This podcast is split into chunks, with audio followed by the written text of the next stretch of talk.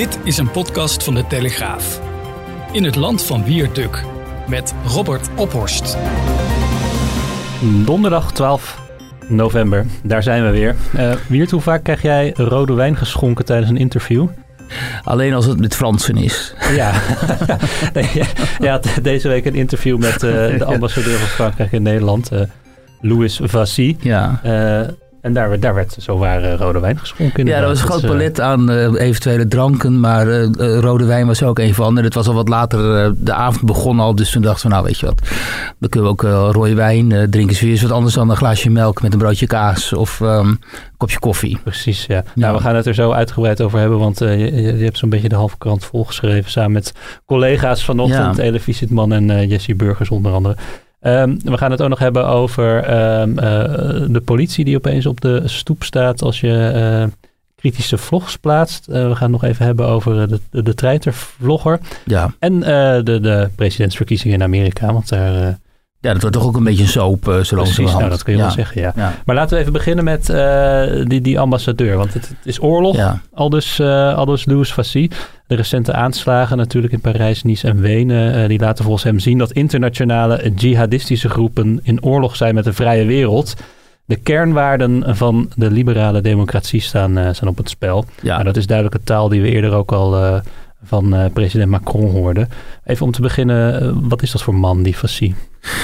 Ja, hij is uh, een hele interessante man, want hij is uh, bij uitstek uh, een van die topdiplomaten in de Franse traditie.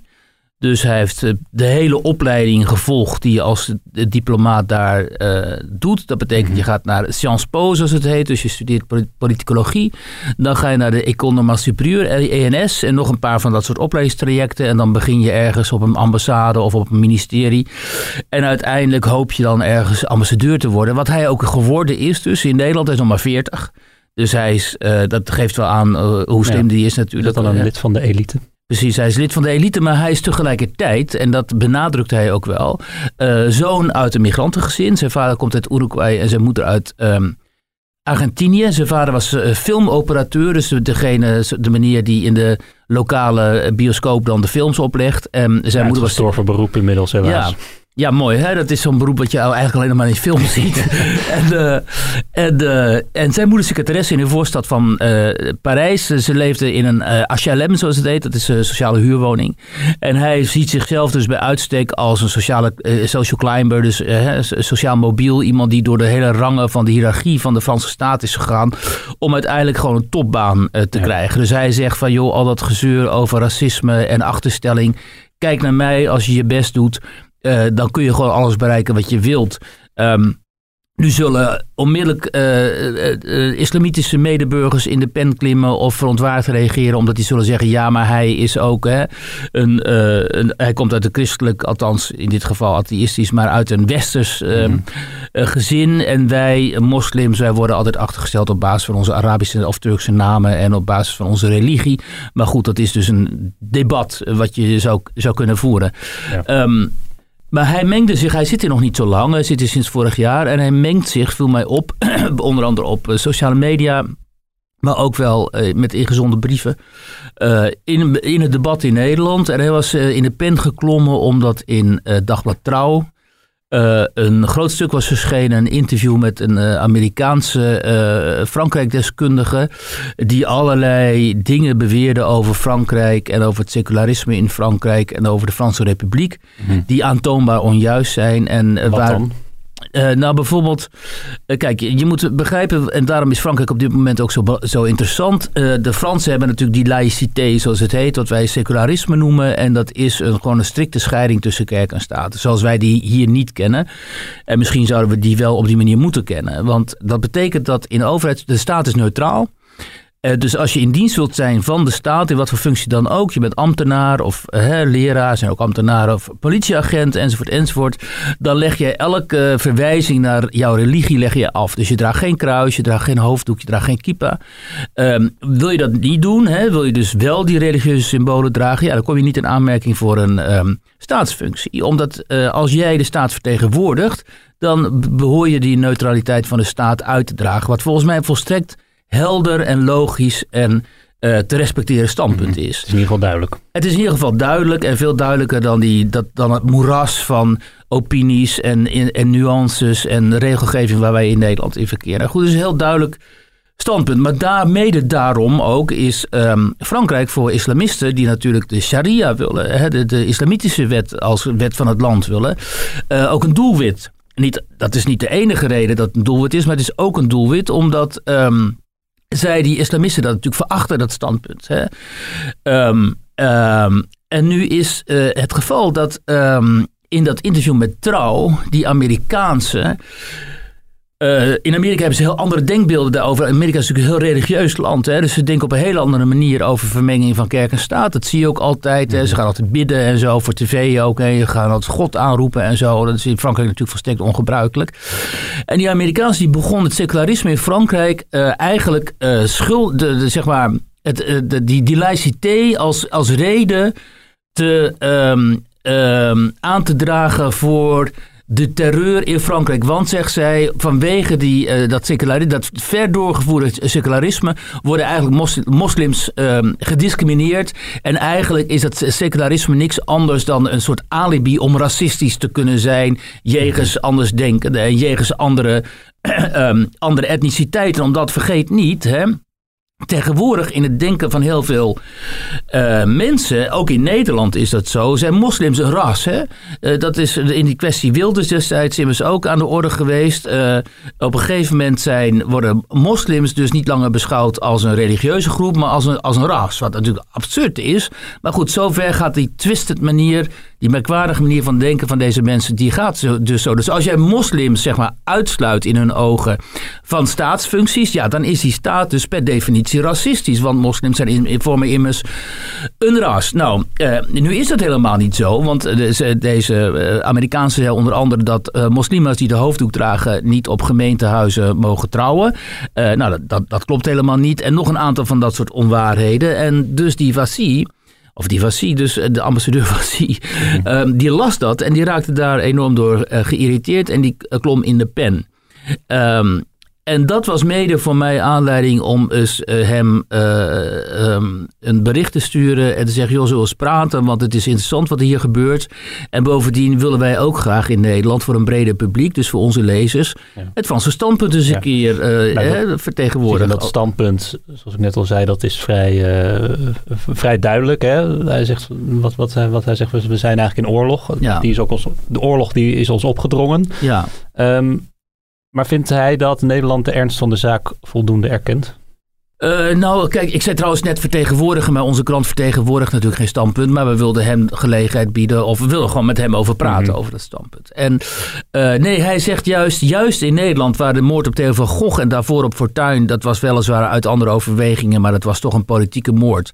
Ook vanwege Fortuin standpunten over de islam natuurlijk. En de moord op Theo van Gogh, zegt hij, heeft kennelijk uh, zoveel indruk gemaakt dat Nederlanders in het algemeen best wel goed begrijpen wat hier nou precies gaande nou is. Onze eigen. Uh, in zekere zin was Theo natuurlijk een beetje onze eigen Samuel. Uh, en um, kijk, dat, die, die, die, die kwestie met die Hofstadgroep en daarna die uitreizigers en zo, dat heeft natuurlijk ook best wel indruk gemaakt. En hij zei, het is ook niet voor niks dat mensen na de, de, de, de onthoofding van Paty in Nederland naar de Schreeuw gingen, dat monument voor Theo in, uh, in Amsterdam. In, in Amsterdam. Ja. Um, uh, hij zegt dat hij ook heel veel vanuit de bevolking heel veel steunbetuiging heeft gekregen. En dat ook uh, Mark Rutte en andere politici en bestuurders van zich hebben laten horen. Nou ja, de, Ahmed Marcouch die had natuurlijk al heel snel, hè, ook op Twitter, zo'n steunbetuiging aan de stad Parijs. Aan zijn collega uh, aan Hidalgo in Parijs. Dus vanuit die bestuurdersklasse en politieke klasse, zegt hij, kwam, kwam ook heel veel begrip.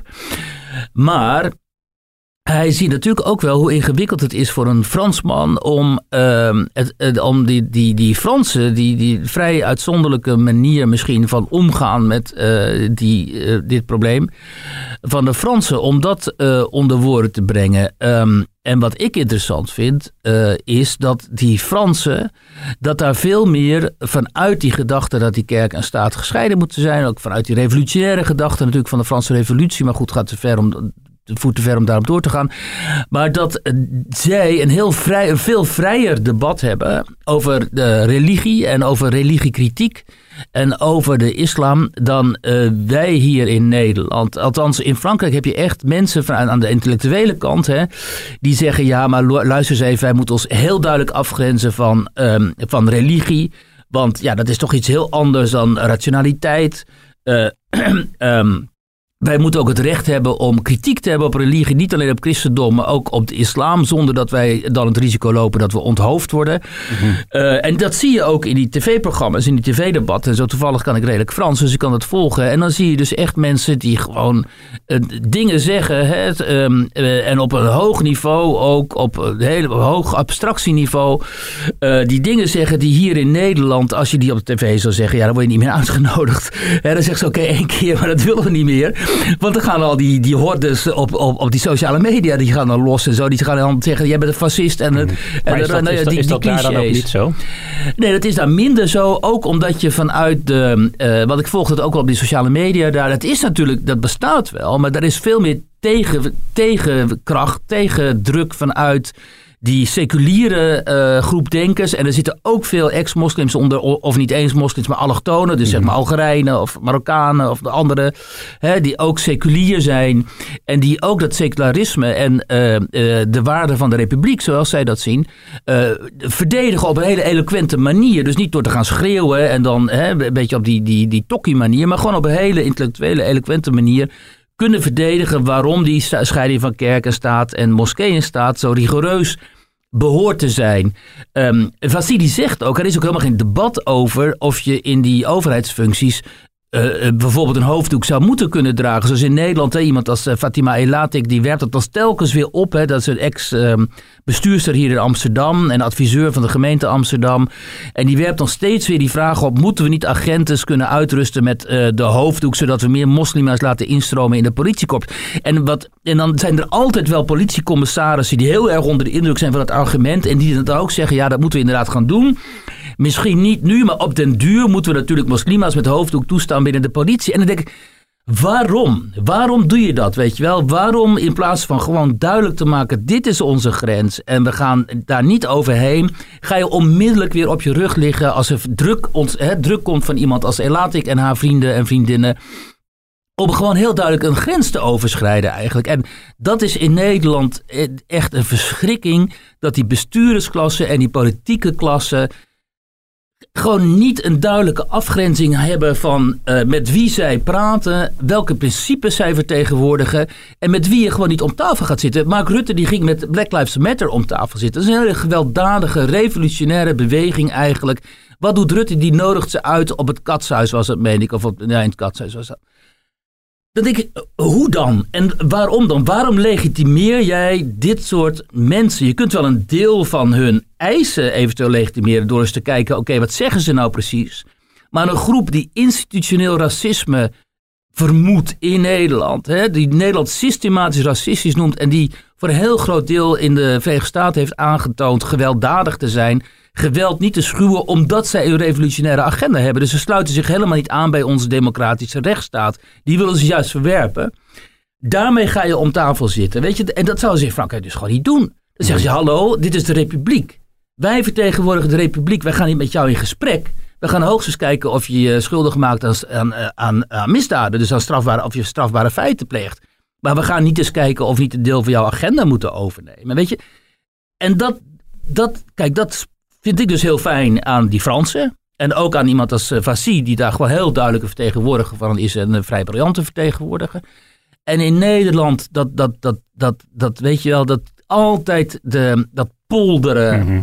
En niet je principes op orde hebben. En geen ruggengraat hebben. En maar je omver laten blazen. Zodra er uit, vanuit een minderheid eens een keer een ijs komt. Ja, dat is echt om wanhopig van te worden soms. Toch uh, wordt uh, Frankrijk is de afgelopen jaren overspoeld door een, uh, door een golf aan, aan terreuraanslagen. Dat, dat is in Nederland veel minder. Dus we polderen hier misschien wel heel veel. Maar hebben we niet ook beter in het vizier wie er, wie er mogelijk gevaarlijk kunnen worden? Ja, dat is heel interessant. Want dat, dat, dat kwam de afgelopen dagen, heb ik daar met mensen over gesproken. Van Uh, kijk, Beatrice Graaf bijvoorbeeld, die ik vorige week heb geïnterviewd, die zegt Nederland heeft gewoon echt goede oren en ogen in die ja, wijken. Terreurdeskundige. Ja, precies, die terreurdeskundige. Hè? Uh, die zegt Nederland heeft gewoon goed zijn oren en ogen in die wijken op orde. En uh, zodra er, nou, of het is, dan moet ik wel zorgvuldig zijn. In een aantal gevallen zijn grote aanslagen voorkomen, omdat die grote aanslagen, daarvoor is allerlei organisatie nodig. Daarvoor, daar zijn routes voor nodig en trajecten waarop op bepaalde momenten mensen met elkaar moeten overleggen en hè, er overleg plaatsvindt en mensen met elkaar moeten spreken. En doordat Nederland die ogen en die oren heeft, zijn op sommige momenten hebben die, die diensten daar kunnen inbreken. En die hebben dus een, groot, een aantal grote aanslagen kunnen uh, verijdelen. Mhm. En toen vroeg ik aan collega's in Frankrijk, hoe zit het dan met jullie dan? Want wij hebben de indruk toch uh, dat we dat hier misschien beter voor elkaar hebben. Mede ook omdat Beatrice de Graaf zegt van uh, die Fransen die hebben hun special forces helemaal opgetuigd. Uh, de politie-eenheden die eigenlijk speciale eenheden zijn en die dan die wijken intrekken. Maar die komen in actie als het al te laat is eigenlijk. Precies. En ze zegt onder Nicolas Sarkozy, die, die, die eerdere president, zijn eigenlijk die ogen en die oren, die netwerken in die wijken, die zijn ontmanteld. En daarvoor in de plaats is eigenlijk meer repressie gekomen. Maar toen zeiden die collega's tegen mij, die zijn eens gaan kijken. En die zeiden nou, eh, de afgelopen jaren zijn er iets van 57 aanslagen ook in Frankrijk vereideld.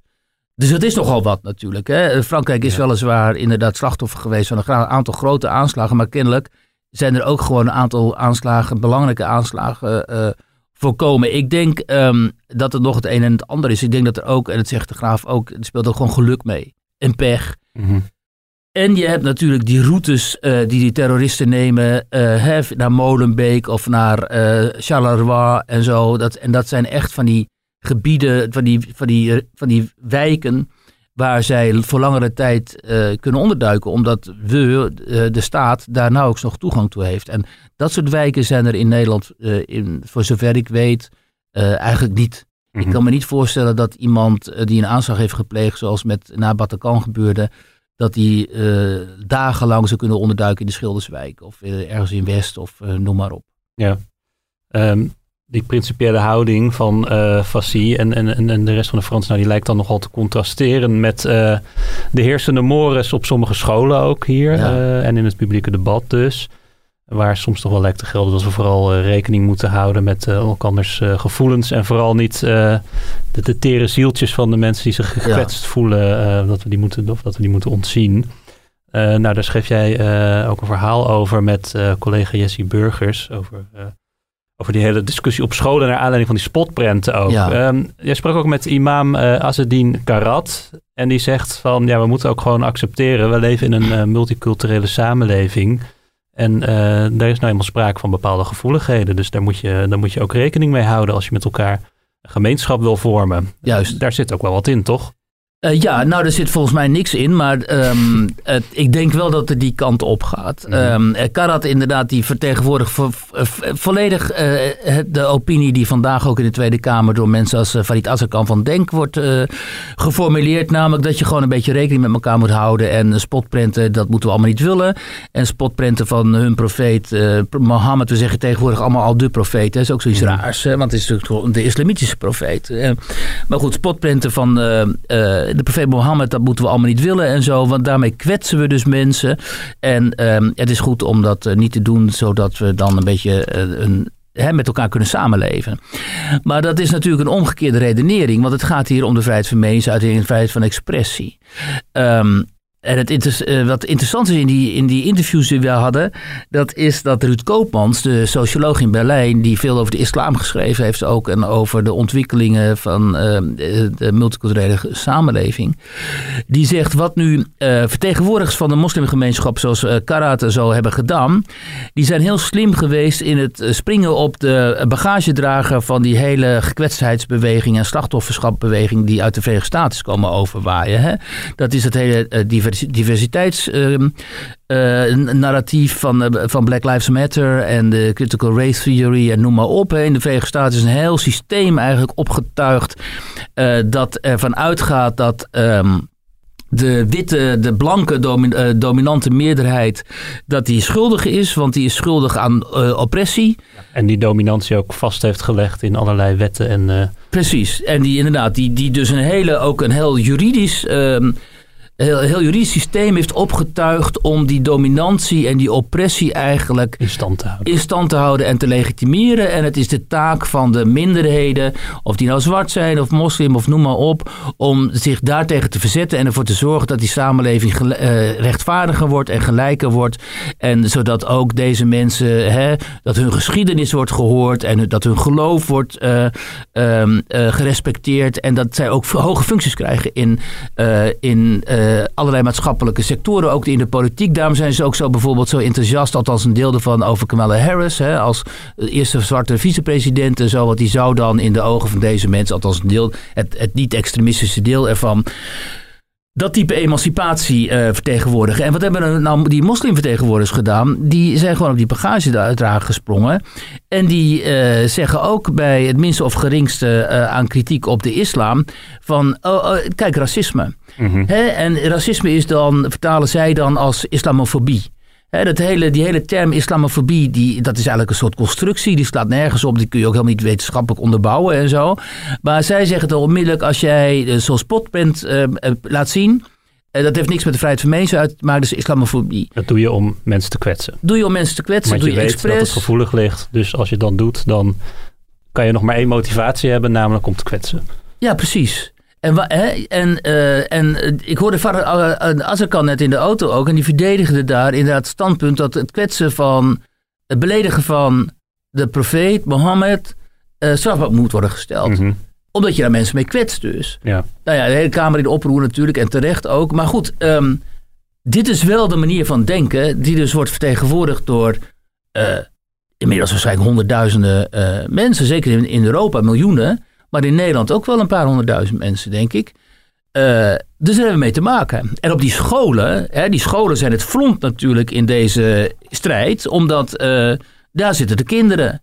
En, uh, en de kinderen uit die gezinnen. En de kinderen uit die gezinnen waar gezegd wordt, dat de profeet mag niet worden beledigd. En als ze dan op school komen en um, daar wordt de profeet getoond in de spotprint, dan zeggen ze onmiddellijk, ja maar we horen eens even, dat, dat kan niet. Hè? En dan worden ze misschien gewelddadig.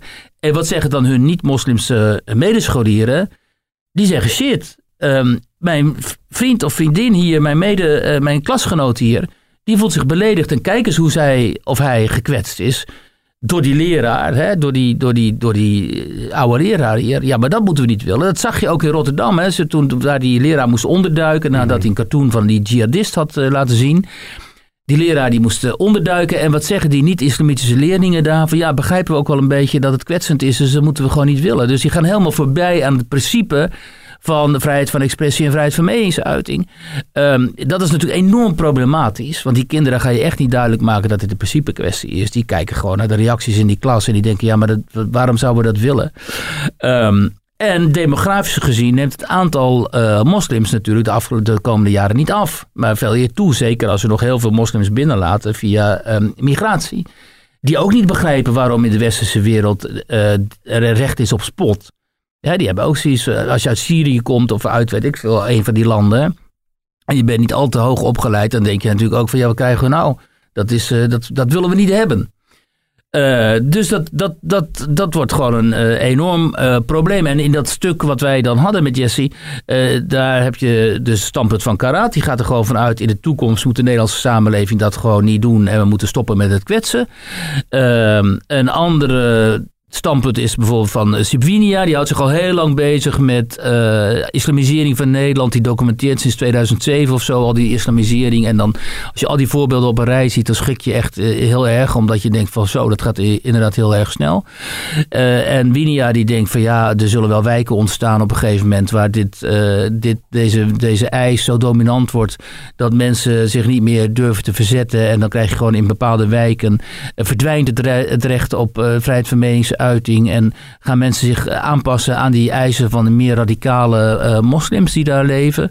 En iemand als Ruud Koopmans die zegt, nou daar zou ik me maar niet zo zoveel zorgen over maken. Die aantallen zijn ook weer niet zo enorm.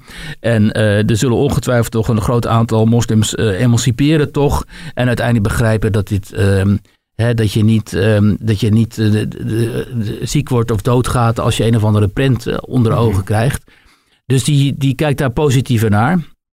Um, nou ja, dat is allemaal afwachten natuurlijk. Uh, wel we kunnen wel zeggen, ja, het een of het ander, maar dat weten we gewoon niet. het is niet zo nu dat de ontwikkeling van de afgelopen, laten we zeggen, 10, 15 jaar nou heel erg optimistisch stemmen wat dit betreft. Zeker niet mhm. wat bepaalde, bepaalde jongeren betreft. Is het dan goed wat dat betreft dat we de afgelopen weken het er weer in alle talkshows ook en in alle kranten over hebben, dat er een publiek debat weer is? Nou het is goed als er publiek debat is, als het ook eens een keer wat scherper zou zijn. En als meningen zoals, wij die, hier, zoals die wij hier nu over tafel brengen, dat die ook gehoord zouden worden. Het is in, natuurlijk sowieso goed dat zoveel mogelijk mensen deze, ja, sowieso. horen. Ja, maar er is natuurlijk helemaal geen vrijheid van spreken in die talkshows en zo. Hè? Als je ziet uh, uh, wie daar aan tafel zitten en hoe over dit soort, hoe omvloerst er over dit soort thema's wordt gesproken en met hoeveel mail in de mond politici praten, maar ook gewoon opiniemakers en zo, omdat ze zo ontzettend bang zijn om bepaalde dingen gewoon te zeggen zoals ze zijn. Ja, en wat natuurlijk veel zorgelijker en kwalijker is, is dat er docenten zijn die zelf censuur toepassen. Ook in jullie stuk met een wiskundedocent opgevoerd die uh, homoseksueel is en die zegt van ja, ik breng het gewoon niet meer ter sprake in de klas. Uh, ja. Want daar heb ik geen zin in en uh, nou ja, nou ja, dat, is dus, uh, niet. Precies. Uh, Jesse had die manier gesproken. En dat schijnt een van de oprichters van de Gay Pride in Amsterdam te zijn. Wiskundeleraar. Uh, en dat is dus ontzettend dapper dat hij gewoon met naam en toenaam zegt van... joh, um, bij mij in de klas of bij, bij ons op school, merken wij dat islamitische kinderen steeds vaker, in toenemende mate zegt hij, hun uh, wereldbeeld opdringen aan niet-islamitische kinderen. En dat vindt hij hoogst problematisch, want hij is zelf homoseksueel en hij kan ook al niet meer over homoseksualiteit in de klas spreken en zo. En hij baalt daar natuurlijk enorm van, hij, want hij is gewoon een vrijdenker waarschijnlijk. Uh, en ik vind het heel dapper en goed dat hij dit gewoon met name toename in de krant wilde zeggen. Omdat meestal zijn die mensen willen anoniem blijven of ze willen helemaal niks zeggen. Of... Maar eigenlijk zegt hij ook, ik heb die kinderen wat dat betreft opgegeven. Ik heb niet meer de illusie dat ik ze iets kan bijbrengen wat hen op andere gedachten gaat brengen. Ja, dat, ja, dan komt het wel op neer. Ja. Dus hij, hij, maar, ja, hij, hij is in de zestig ook. En hij heeft natuurlijk die ontwikkeling gezien de afgelopen decennia. En uh, ja, hij heeft opgegeven. Althans, hij zegt van ik geef geen, uh, geen les meer over uh, homorechten en mhm. zo. Ja. Um, laten we het even over de VS hebben. Want Donald Trump vecht zijn naderende, of is op weg naar de uitgang. Maar legt zich niet neer bij zijn veronderstelde verlies. Nee. gaat door tot het bittere einde. Um, nou, voordat hij in het Witte Huis zat, werden we eigenlijk bijna doodgegooid door verhalen, met verhalen uh, dat hij, uh, zodra hij er zou zitten, ons in een, uh, of het Westen althans, in een soort nucleaire holocaust zou storten. En of, het, of het schoothondje zou worden van Poetin en Xi Jinping. Ja. Nou, toen hij er eenmaal zat, toen was het natuurlijk allemaal collusion wat, collusion wat de klok sloeg met het Mueller-onderzoek. Nu hij op weg is naar de uitgang, lezen we heel veel verhalen dat, dat hij bezig zou zijn met een staatsgreep. Ja, ik merk bij mezelf wel enige metaalmoeheid als het gaat om de hysterische Juist, toon van dat soort verhalen. Ja. Uh, feit is dat natuurlijk wat er nu gebeurt, dat dat wel historisch is. Een, een verkiezingsuitslag die wordt aangevochten uh, door de zittende president. Ja. Maar uh, ja, is het nou echt allemaal zo, uh, zo alarmerend? Moeten er straks gewapende special forces komen om hem, om hem het Witte Huis en de Oval Office uit te sleuren? Ja, dat is echt fascinerend om de hypocrisie te zien. Hè? Um, precies wat jij zegt. Vanaf het moment dat Donald Trump dus uh, president werd, is uh, werkelijk vanuit het hele zeg maar, progressieve establishment in de Verenigde Staten, inclusief bijna alle media, geprobeerd om hem ter val te brengen. Met allerlei uh, verhalen waarvan achteraf blijkt van um, ja, die kloppen helemaal niet. Zoals die over de Russian collusion en uh, de gedachte dat uh, Donald Trump als president het Midden-Oosten in een chaos en zou storten en zou veranderen in een soort nucleaire hel.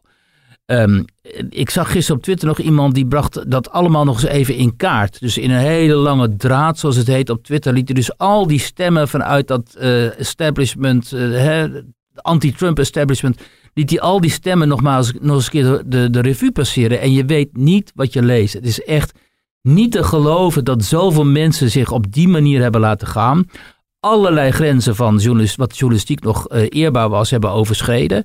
Um, dus gewoon zwaar hebben lopen liegen, lopen hetsen, lopen stoken, uh, uh, feiten hebben verdraaid, zich hebben gebaseerd op gefraudeerde ehm, rapporten en analyses. En dat ook een deel van onze media, hè, hallo publieke omroep, daar gewoon zwaar in mee is gegaan. Ik herinner me nog aan de praattafels hier bij de Wereld Draait Door en zo. Telkens weer, avond na avond na avond, ook bij op één. het zat het einde van Donald Trump eraan te komen. En die had allemaal relaties met Vladimir Poetin. En die Russen die hadden die hele verkiezingen destijds gemanipuleerd en zo, weet je wel. Nou ja, die, iedereen die dit hoort, herinnert zich dat nog wel en zo. En die mensen die zijn er gewoon vol in meegegaan. Uh, en die komen daarmee weg. Die zitten nog steeds aan die tafels. En die zitten nu inderdaad te analyseren dat Donald Trump een machtsgreep aan het plegen is. Terwijl wat hij volgens mij aan het doen is, uh, is uh, te checken of al die ballots, of die wel legitiem zijn. En of er niet is um, gefraudeerd met die poststemmen. Omdat het toch wel heel merkwaardig is dat hij die hele verkiezingsnacht uh, het heel goed deed. En toen, kwam, toen die poststemmen allemaal geteld gingen worden, toen verloor hij die verkiezingen. Nou, het kan heel goed zijn dat dat legitiem is. Dat al die mensen die over de post hebben gestemd op Joe Biden hebben gestemd. Maar goed, uh, we wachten inderdaad even af tot al die stemmen zijn geteld of geherteld. En, ja, hij praat er zelf wel over in hyperbolen natuurlijk, Trump. Het, het, het, uh, het, is ook niet handig dat Trump natuurlijk bij uitstek iemand is die uh, in hoofdletters uh, praat en schrijft en tweet en allerlei dingen de ether insmijt. misschien ook wel. Precies. En allerlei toestanden en gedachten en, en non-fact-free opmerkingen de wereld insmijt. In die zin is hij natuurlijk een ongeleid projectiel en um, dat is helemaal, niet helemaal normaal dat er zo'n president daar zat en zit. Maar het neemt niet weg dat als journalist jij nog altijd de opdracht hebt om uh, feiten te onderzoeken en te kijken wat klopt die nou uh, precies. Dus daar wachten we nog steeds op. Wat, wat klopt er nou precies wel? Wat klopt er nou precies niet? En wat in de tussentijd zo ontstellend hypocriet is, is dat zodra Joe Biden dus was um, gekozen na dus vier jaar lang, vier jaar lang gewoon pogingen om die Trump helemaal kapot te maken en dat neemt niet weg dat Trump van zijn kant natuurlijk ook de hele tijd de, media heeft beschuldigd fake nieuws te zijn. En zwaar heeft uitgehaald ook. Hè? Het was een, een, strijd tussen twee kampen natuurlijk. Vanuit dat Trump-kamp kwam ook keiharde, uh, uh, keiharde artillerievuur uh, werd er afgeschoten. Maar niet te ontkennen is dat het democratische kamp um, echt een oorlog heeft gevoerd tegen dat Trump-kamp en tegen zijn kiezers ook, die deplorables. En nu wordt opeens door Biden en consorten gezegd, and now it's time to heal in America. Ja, en dan zeg jij dat zijn eigenlijk dezelfde mensen die de afgelopen vier jaar ja, dat vuurtje verder hebben opgestookt. En stel je voor, ik ben Trump-stemmer en ik heb zo'n rood petje.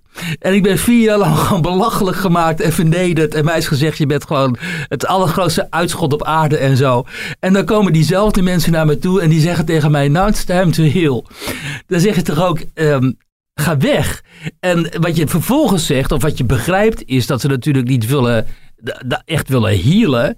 Maar wat zij denken is, we hebben nu gewonnen. Dus nu is het tijd dat jij net zo gaat denken als wij. Nu is het tijd dat jij je nederlaag toegeeft. En nu kom je in ons kamp, zeg maar. Of je houdt in ieder geval verder je mond. En dan kunnen wij verder gaan met het programma en het project dat wij al voor ogen hadden. En waar Donald Trump helaas even vier jaar tussen is gekomen. En um, dat zoveel mensen dat niet zien, verbaast mij dan zo. En dat dan Biden en Harris en zo als een soort Jezus op een wolk uh, met Maria worden binnengehaald. Terwijl die twee ook een hele politieke geschiedenis hebben. Althans, uh, Harris vooral ook uh, als aanklager in uh, Californië. En Joe Biden 47 jaar politieke geschiedenis. Hij is meubelstuk. Weet je? Mm -hmm. Hij is gewoon meubelstuk daar in DC. En nu zou hij opeens een verlosser zijn. Ja, ik word daar zo cynisch van. en ik zie ook wel dat heel veel mensen dit eigenlijk niet niet, niet als hè, dit niet aannemen en denken, ja, hou eens op. Maar ik zie toch ook wel heel veel jongere mensen die toch denken, die hier intuinen gewoon. Mhm. hè, die in dit, dit soort retoriek trappen. Lijkt ook wel dat uh, de media de afgelopen vier jaar natuurlijk een beetje verslaafd zijn geraakt aan uh, Donald Trump. Het is bijna een soort Trump-porno wat, uh, wat over ons ja. wordt uitgestort. En en leidend aan het je... Trump Derangement Syndrome, hè? Ja. CDS.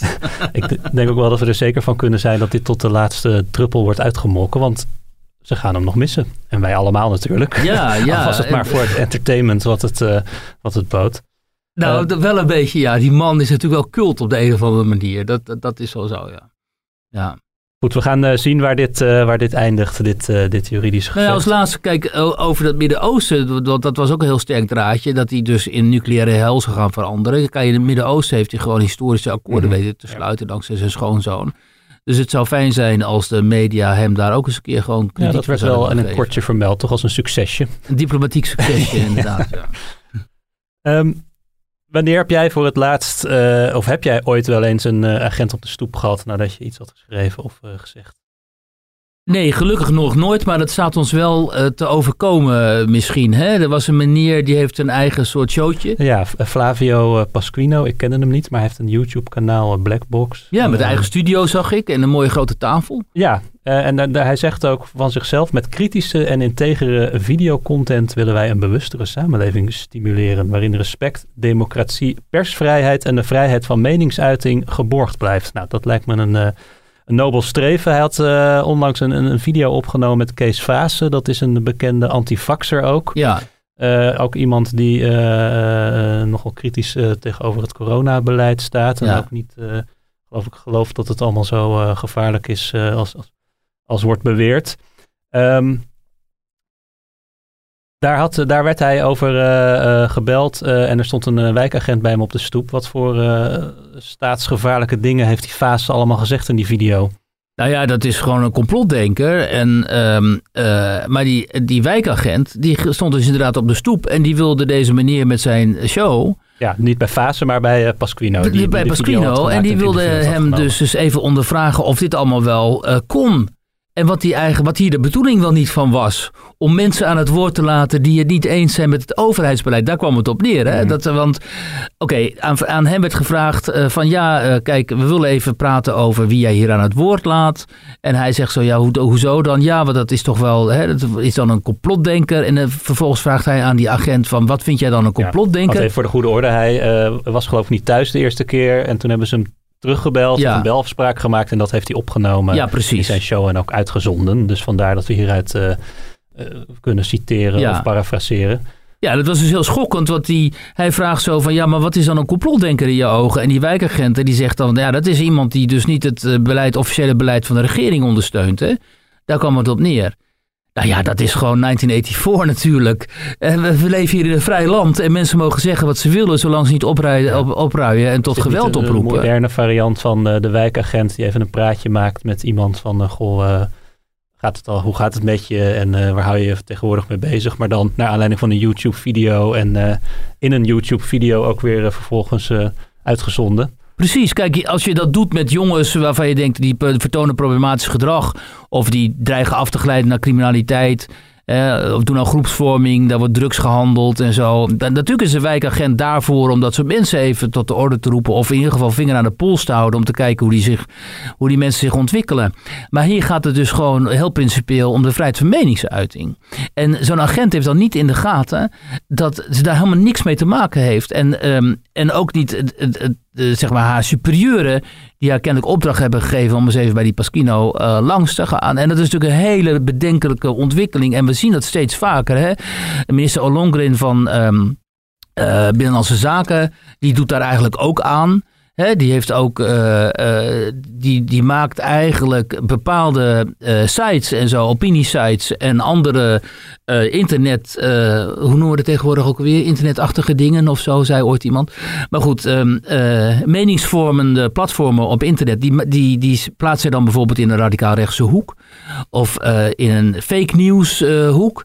en dat is natuurlijk heel bedenkelijk, omdat zij gaat daar niet over. En zolang die dat soort journalisten of burgerjournalisten of wat het dan, ook zijn, niet oproepen tot, uh, tot geweld, uh, moet je gewoon daar, daar verre verhouden. Ook omdat ik weet bijvoorbeeld dat er is zo'n platform dat heet Opinies met zit aan het eind. Er schrijven gewoon eerbare mensen, die schrijven daar stukken over. Die zijn kritisch op allerlei vormen van beleid van het Nederlandse kabinet. En die zijn op een gegeven moment ook geframed, zo in de extreemrechtse hoek. Of in, in ieder geval zijn ze terechtgekomen in een hoek waardoor ze staatsgevaarlijk zouden zijn of zo. Nou, dat slaat echt helemaal nergens op. daarvoor schrijft notabene uh, Freek van Beets. En die is voormalig vertegenwoordiger van uh, de Nederland op Curaçao of zoiets. Iets op de Antillen heeft hij gedaan. Iets belangrijks zo heeft hij daar gedaan. We hebben nu natuurlijk het, het, de krant Gezond Verstand, die door een oud uh, journalist van NRC wordt gemaakt. Ja, die krant Gezond Verstand, die inderdaad volstaat met complottheorieën en zo. Maar dat, dat, is, dat is niet in zichzelf een, een staatsondermijnend orgaan of zo. Um, en dat is kennelijk helemaal niet meer helder tegenwoordig, uh, dat er vrijheid van pers is. En vrijheid van meningsuiting en dat de politici en ambtenaren vooral zich gewoon daar helemaal niet mee te bemoeien hebben. Als ze zich daarmee willen bemoeien, dan moeten ze maar inderdaad een debat aanvragen in de Kamer. En dan moeten ze maar eens kijken hoe ver ze daarmee uh, mee komen. Maar dit gaat natuurlijk helemaal nergens over. En ehm, dus daarom wilde ik het er ook even over hebben. Omdat mensen goed moeten weten dat dit een tendens is in de samenleving nu. Waar we heel ontevreden over moeten zijn. En waar we heel alert op moeten zijn. En mensen moeten zich niet laten intimideren. Wat, wat als zij iets uh, te melden hebben dat afwijkend is van officiële standpunten moeten ze zich niet laten intimideren door dit soort gedrag van de politie of, van, of vanuit het gemeentebestuur of wat dan ook. Hij, uh, Pasquino zegt zelf trouwens dat hij geen, niet twijfelt aan de goede intenties van, van de agenten zelf, maar dat hij het beleid van de politie wel als intimiderend ervaart. Zo is het natuurlijk ook. Hè. Die agent, dat merkt hij ook wel, die weet waarschijnlijk helemaal niet beter. en die is gewoon gestuurd. Maar er zit dus iemand of iets of een organisatie boven haar die op deze manier denkt. Hm. En die zo iemand aansturen. En dat is inderdaad het gevaarlijke hieraan. Tot nog even door over intimidatie, maar dan over de treitervlogger Ismail Ilgun. Ja, die is ook weer terug. Die is weer terug. Ja, ja. Heb je hem gemist? Nou, helemaal niet. En, maar die krijgt nu dus een programma bij de publieke omroep, las ik. En ehm, en dat is natuurlijk echt wel problematisch. Waarin omdat... die, geloof ik, eh, de, de cultuur achter de drill rap gaat onderzoeken, toch? Dat, dat ja, eh, ja. En, op zich ehm, een uh, interessant onderwerp lijkt. Ja, dat is zo natuurlijk. Die, um, maar goed, het gaat hier om een principe. Kijk, hij krijgt dus een programma bij de publieke omroep. Dat is onze omroep. Dat betalen wij met z'n allen. Um, en er zijn in deze tijd van culturele kaalslag natuurlijk ontzettend veel mensen die een moord zouden doen uh, om zoiets, eh, zo'n leuk programma te kunnen maken. En dan trekken ze uitgerekend weer Ismail Ilbun aan, de treitenvlogger uit Zaanstad, die daar ooit het gemeenteraadslid uh, Juliette Rot openlijk bedreigde op camera. Maar hij heeft zijn leven gebeterd, heeft ons excuses aangeboden meermalen. En, Die gezegd heeft zijn leven te beteren. En dat was allemaal niet heel erg overtuigend trouwens. En uh, uh, wat er nu weer is gebeurd, is dat um, uh, een Turkse opiniemaakster, Aydin Bilic die ook wel voor onze klant heeft geschreven, maar die schreef uh, nu tegenwoordig veel voor NSC. Die heeft daar tegen geprotesteerd. Die zei zoiets van ja, dat is net zoals met Holleder op tv. Waarom geven al deze mensen hè, Um, die zich in misdragen hebben. Er zit er wel wat licht tussen. Wat, er zit nogal wat licht tussen Holleder en, en, Ilgun. Dat kun je wel zeggen. Uh, maar die, die Holleder kreeg, kreeg, ook een nog veel prominente platform van Twan Huis destijds dan uh, Ilgun nu gaat krijgen. Maar goed, het is toch een soort hang bij die publieke omroep om mensen uit um, uh, met een waarop ofwel een hele grote smet zit of een smetje zoals bij Ismail om die dan zo'n um, podium te geven. En zij had er dus kritiek op. En wat gebeurt er? Dat neemt hij dus over. Hij zet het op Instagram. Uh, uh, en vervolgens gaat een hele horde van uh, boze allochtonen. Die gaat over Eileen Bilic en haar dochter, haar kind heen. Waaruit weer blijkt dus hoeveel... Um, dat er potentieel heel veel agressie in Kunnen zit. Kunnen dat verwijten? Weet dat jij ook wel eens het verwijt krijgt van dan heb je uh, Dux trollenleger weer. Ja, is dan, zo, ja. Ja. Mensen die dan uh, naar aanleiding daarvan op eigen houtje bedreigingen gaan uiten en ja. agressieve taal uitslaan. Heeft hij dit zo gewild? Uh, nee, ja, dat, dat, dat, dat, je weet natuurlijk niet wat de intentie is. Maar je kunt wel zeggen van dit is het risico wat zo'n publieke omroep dan binnenhaalt. En sowieso natuurlijk als je het over die drill rap gaat hebben, wat een hele agressieve vorm van muziek is. Van rap. Uh, en die, uh, hè, de vraag is natuurlijk wat je daar nou precies mee moet doen. Of je, maar goed, dat is de vrijheid van, van journalistiek. Daar, daar, daar ga ik het niet over hebben. Maar um, ik kan me wel voorstellen dat veel mensen denken van... jee, uh, is dit nou wel... moet dit nou van ons belastinggeld, zoals dat dan heet... Um, maar goed, ik wil die jongen ook niet deplatformen of zo. Dat, uh, dat is niet wat wij hier uh, willen, maar wel de aandacht op vestigen dat, dat toch wel merkwaardige keuzes worden gemaakt uh, in, in dergelijke gevallen. Um, nou, we zijn weer, leert een blik op de klok mij bijna door de tijd heen. Zo is het. Um, bent helemaal in het schaken nu, hè, tegenwoordig. Ja, dat, oh ja, dat, uh, iedereen weet het inmiddels wel. Maar je hebt die prachtige serie op uh, Netflix, uh, The Queen's Gambit. Wat een, een van de beste series is van de afgelopen jaren. Gaat over een meisje dat heel goed kan schaken. En ik ga zo meteen een Nederlandse meester, schaakmeester, interviewen hierover. Ook vrouwelijk en jong. En die is eigenlijk net zo fanatiek ooit begonnen als een meisje in die serie. En die gaat ons vertellen hoe het nou is om als jong meisje ze vertelde op een gegeven moment ergens dat ze een jaar of zeven was. En toen schaakte ze al tegen mannen van 60 en die versloeg ze dan ook glansrijk. Nou, dat is heel erg overeenkomstig met wat je in die serie ziet. En dat is natuurlijk ontzettend leuk om te horen hoe je als jong meisje, nou ja, jongen ook, maar als je als kind zo verslaafd raakt aan het schaakspel en uiteindelijk zo goed wordt. En uh, zoveel um, leidenschap, zoals de Duitsers zeggen, eh, passie ontwikkelt uh, voor die sport. Dus um, ik heb afspraak met haar zo meteen. Leuk. Nou, nog een kijktip tot slot. Uh, ja, allemaal kijken. Echt, dat is geen verspilde tijd. Dankjewel, Wiert. En iedereen ook weer bedankt voor het luisteren. Graag tot volgende week.